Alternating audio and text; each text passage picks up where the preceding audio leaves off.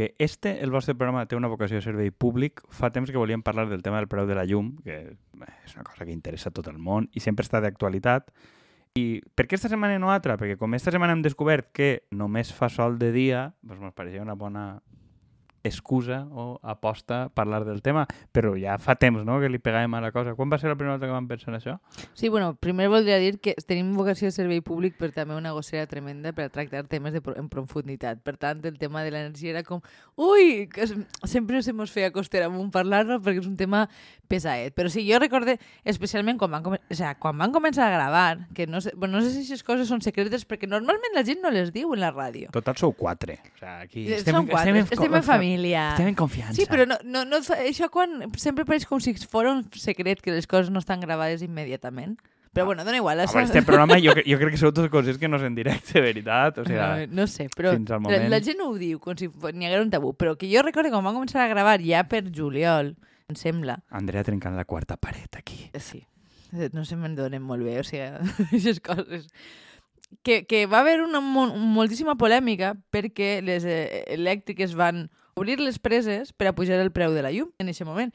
I eh, ja, si, si ja sabem que el tema de, de la, el preu de la llum sempre està d'actualitat, perquè dona igual en quin moment de l'any graves, sempre està pujant la energia, sempre el, el preu de l'energia puja, perquè bueno, ara parlarem més del sistema que facilita això, però que damunt generant un, un desastre medioambiental del copón i sense, i, i sense ningún tipus de responsabilitat al respecte, perquè, oye, somos una empresa i aquí maximitzem beneficis.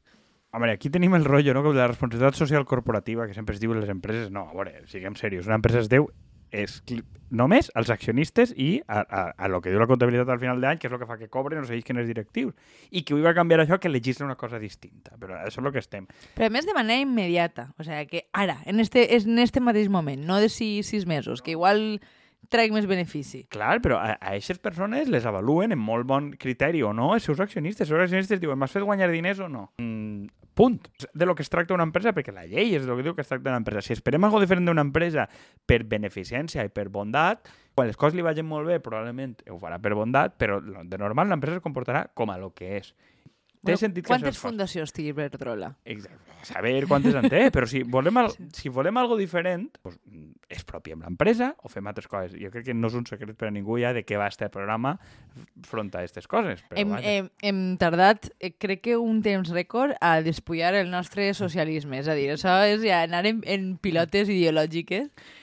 Normalment li donem una miqueta més de volta, un tonteig, uns preliminars, no així, directes al grano. Anem a expropiar empreses que és el que mos, mos posa. Eh, De normal descobrim el nostre materialisme històric perquè al minut 10 o 12 del programa, però ja en el 3 ja això va tot per l'aire. Però és que jo penso que, que, que no, mm, hem descobert la trama, però tampoc li sorprendria a ningú, per tant. No, no, no, no, no n'hi ha hagut precisament cap tipus de, cap tipus de spoiler. A veure, més és que, mm, mm, crec que ho comentaven abans d'entrar, no? Com que realment no hi haurà resistència en aquest tema.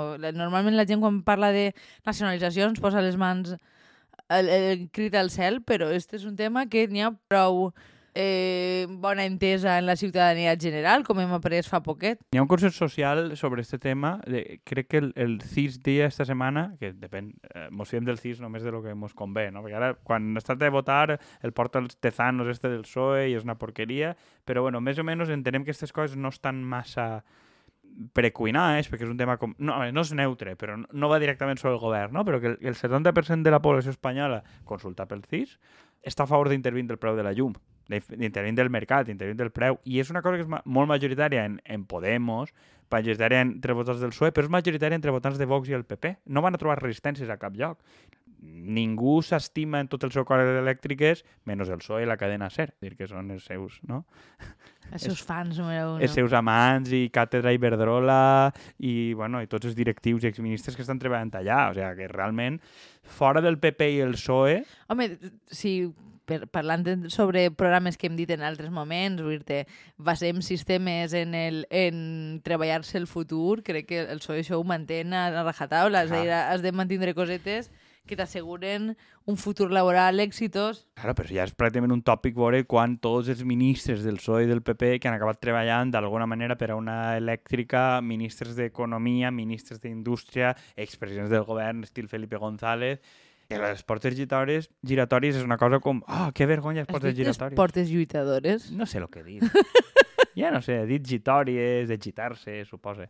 Eh, no sé el que dit. Però el cas és que són portes giratòries. Són un escàndol perquè la gent es lucra, però realment té un significat molt concret que... Però és que, a banda, pareix que us facin, perquè no, no crec que aporten un valor especial una volta estiguen allí, però és com, mira, mira com me la trec, mira el que faig. A veure, sí que aporten un valor especial, que és a lo que es dediquen, qualsevol porta giratòria, que és que tu llogues a una persona que té un telèfon ple de bons sí, números, la, la, no? la, la gent de lo que tu vulguis, però que mm, ja està. Ja Clar, però està. que, que els dediquen a això. Clar, però que vull dir que quan es fan anuncis públics sobre aquestes qüestions, crec que n'hi ha una qüestió més de, de demostrar poder, que, que no crec que ni tan sols els vinga bé, però és com, mira el que puc fer jo en totes les... No, aquí va fitxar la meva polla. a l'Antonio Miguel Carmona, este, es van fitxar en guany de vicepresident d'Iberdrola no, no executiu, perquè, a veure, no, mos- tampoc no enganyem, les empreses no són idiotes. Aquest perfil de senyor o senyora no li deixen tocar els comptes, no mana sobre res, té un despatx, un cotxe, i va de saraos. Però a, més, a mi em sembla tranquil·litzador que a aquesta gent no, no li donen control Que d'aquestes no li donen accés a lo important. Claro, no, què és, lo, és lo que va passar en, en Caja Madrid i Bancaixa, tot això, que el, que el problema és que a aquesta gent li van donar control sobre en què s'invertia i on no, i a veure, no vol dir que la banca privada estigui molt millor, però que, bueno, el senyor Rodrigo Rato i els altres que es van posar... Després, la seva defensa resulta que era que ells no sabien ni firmar en res. Entonces, vostè pa què cobrava? Però, bueno, esta gent està allí en una funció determinada. És impedir que es legisle la lògica. I el que dies abans de, del preu de la llum no és que ells obrin l'empresa per a pujar el preu de la llum, sinó que ho fan per a cobrar-la més cara. És a dir, perquè la manera com es regula el mercat de la, el mercat de l'electricitat a Espanya, que és, el tema de, és com una subhasta per quilowatts, és que tu, les tipus de centrals que tens, tu vas clavant els quilowatts que pots produir, entonces primer entra el més barat, que és el renovable, perquè bàsicament no has de fer res, després la hidroelèctrica, que en este cas és, pues, cau aigua per una cascada, pues, no té misteri, i vas pujant. Quina és la més cara? Cremar petroli o gas, que és quan tu no tens més electricitat disponible perquè hi ha més demanda, uses altra. Tens uns recursos exhaurint-se, evidentment, el preu que, que et generen és distint. I a més que Espanya no la produeix, l'ha d'importar en Clar. un gasoducte o en un barco, el que siga. El problema, i el sistema espanyol on funciona de forma diferencial, és que tu pagues el, tots els quilowatts de la subhasta al preu de la última més cara que és el que no té sentit. Probablement té sentit, que és el que passa a la majoria d'Europa, que tu t'isca més car si tens que gastar gas, perquè tens que comprar el gas. El que no té sentit és que el quilowatt d'energia solar, que costa de produir zero, perquè és el sol impactant sobre una placa, més el que escalfen els cables i quatre coses més, costa exactament el mateix que cremar carbó en una central. Costa el mateix. Què passa? En aquest moment jo dic, vale, el preu és el del carbó, ha entrat el carbó a la subhasta i és caríssim, jo com a hidroelèctrica, bueno, elèctrica o empresa que té una hidroelèctrica, què faig? Deixa caure aigua i la vaig a cobrar tota aigua a preu de carbó, sense fer res. I lo estúpid del tema, que també havíem comentat abans, és que, hòstia, és que probablement la podràs cobrar més cara a desembre, gilipolles, perquè serà més cara. Quan hi hagi més demanda i hagis de cremar més gas, però és igual. Demà a juliol, doncs va acabant, no? Igual són superbons gestors.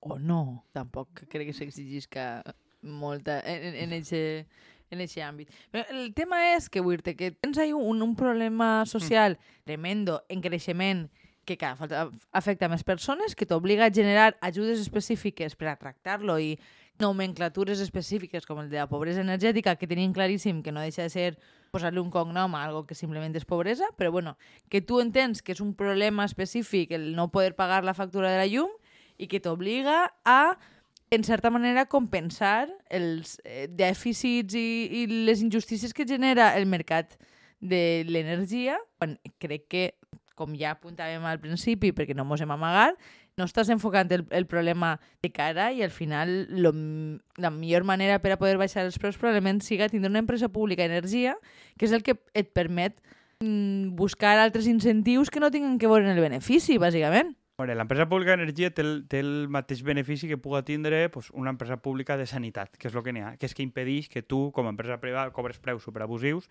perquè la gent no va. Has d'especialitzar en altres coses. I és lo que... Lo... eh, L'efecte principal no és que vagin a desaparèixer tots del mercat, que per mi, per tu, que desapareguen tots i que vagin tots a la presó, però la primera cosa que permet una pública és, és això, és, és fixar, baixar els preus perquè tu estàs produint quilowatts sense especular. La segona probablement seria el tema de canviar el mercat. En altres països, jo, és que jo ho he buscat i no ho tinc clar del tot, però jo diria que en altres països d'Europa el tema de la subhasta no funciona exactament igual.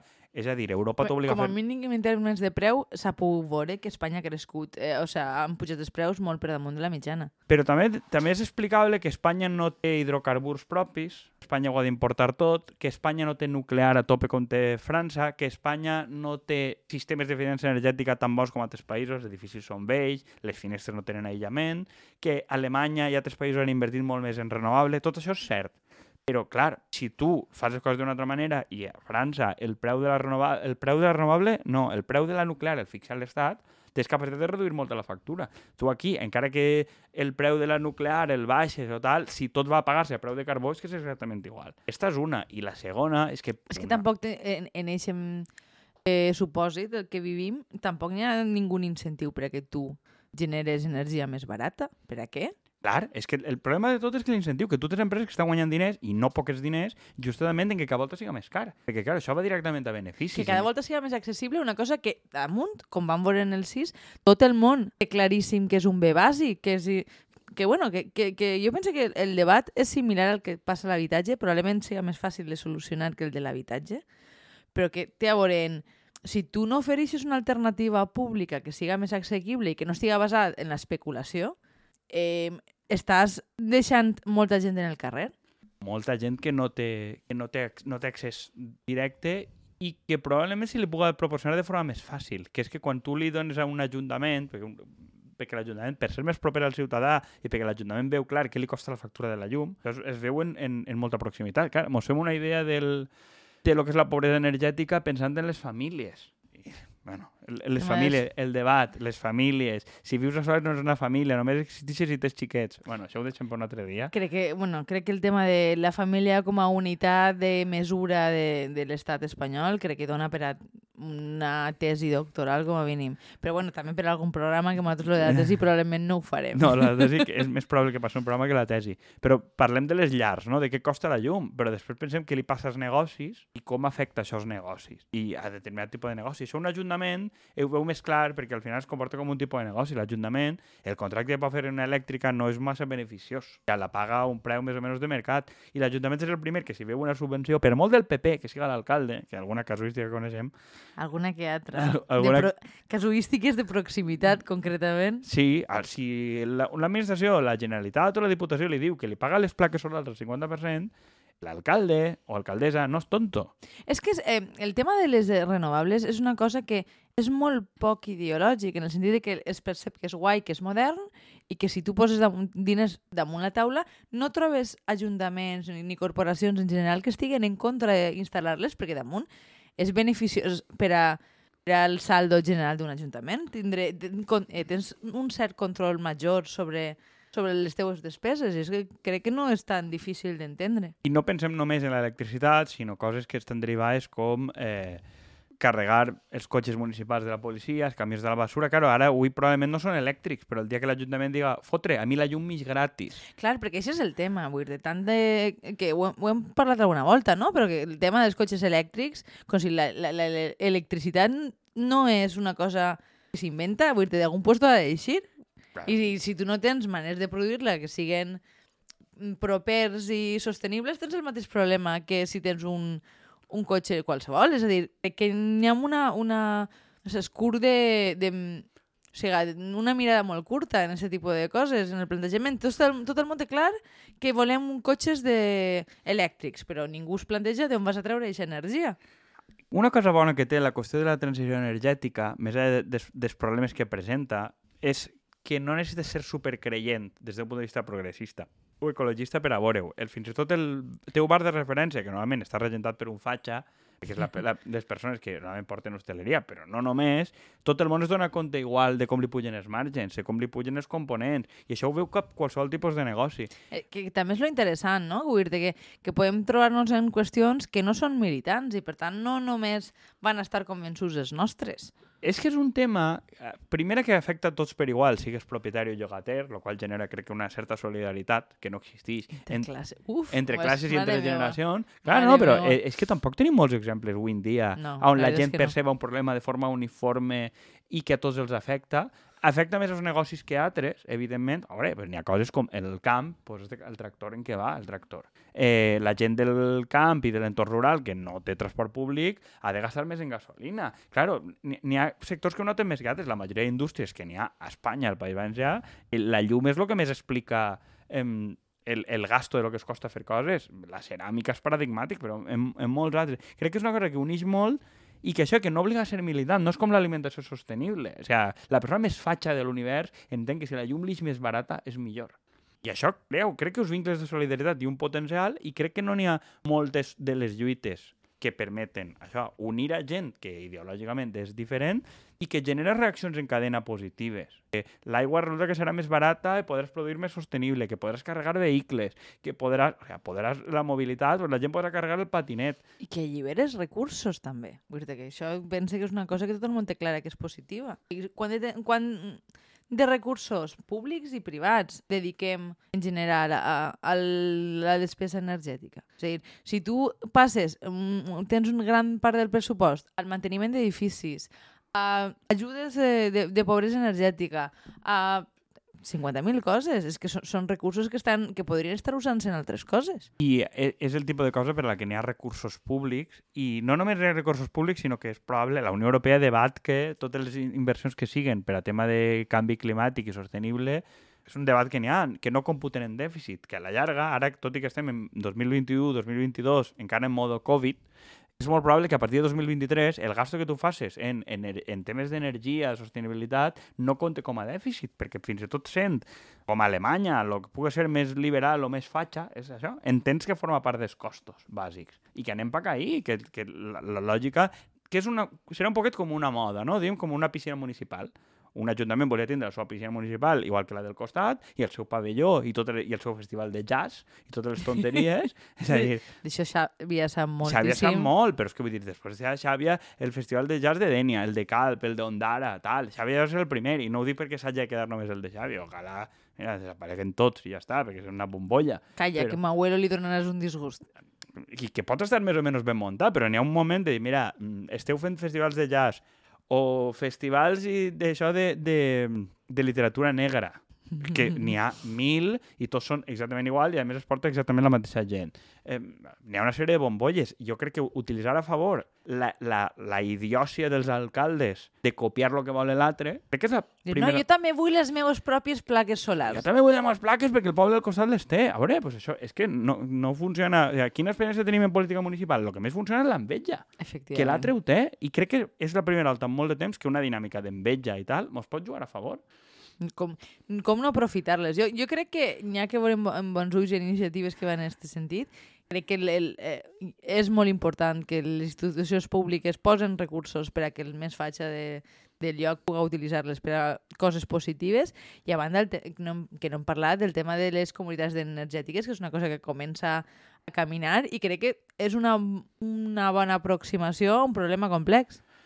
A veure, és que tu pots començar que la gent s'enganxe, una volta l'Ajuntament té potència de sobre, començar a donar excedent, que més gent se t'apunte, i, i és, és una dinàmica d'acumulació, com de bola de neu. Cada volta se t'apunta més gent i cada volta és més fàcil produir llum, cada volta és més fàcil finançar-la, i si n'hi ha una institució darrere, o que una institució almenys participa d'una manera o altra, tens garantia de que això no se'n va anar a pique d'avui a demà, i que algú va fer la inversió fixa, perquè avui en dia els ajuntaments tenen molts diners guardats. Ajuntaments i diputacions, a diferència de Generalitat o l'Estat, que no en té, tenen molts diners guardats a la caixa, que això és una cosa que pots invertir i tu dius, hòstia, qualsevol assessor financer et dirà això s'amortitza Clar que a sí. 15 anys i dius, la gent li dius que s'apunte ho tens fixe. Entonces, la combinació ahí de públic i privat jo crec que està molt bé, està pensat, i a més crec que és una manera de, connectant el que dèiem abans, de corregir un problema, que és que el PSOE i el PP tenen unes elites molt més favorables a les elèctriques de lo que és. Jo dubte que un regidor de poble o un alcalde de poble, per molt del PP que siga, estigui a comprar per les elèctriques. Però és que si no et va el futur laboral en ello, és molt difícil que tingués ningun tipus d'empatia per aquest tipus d'empreses.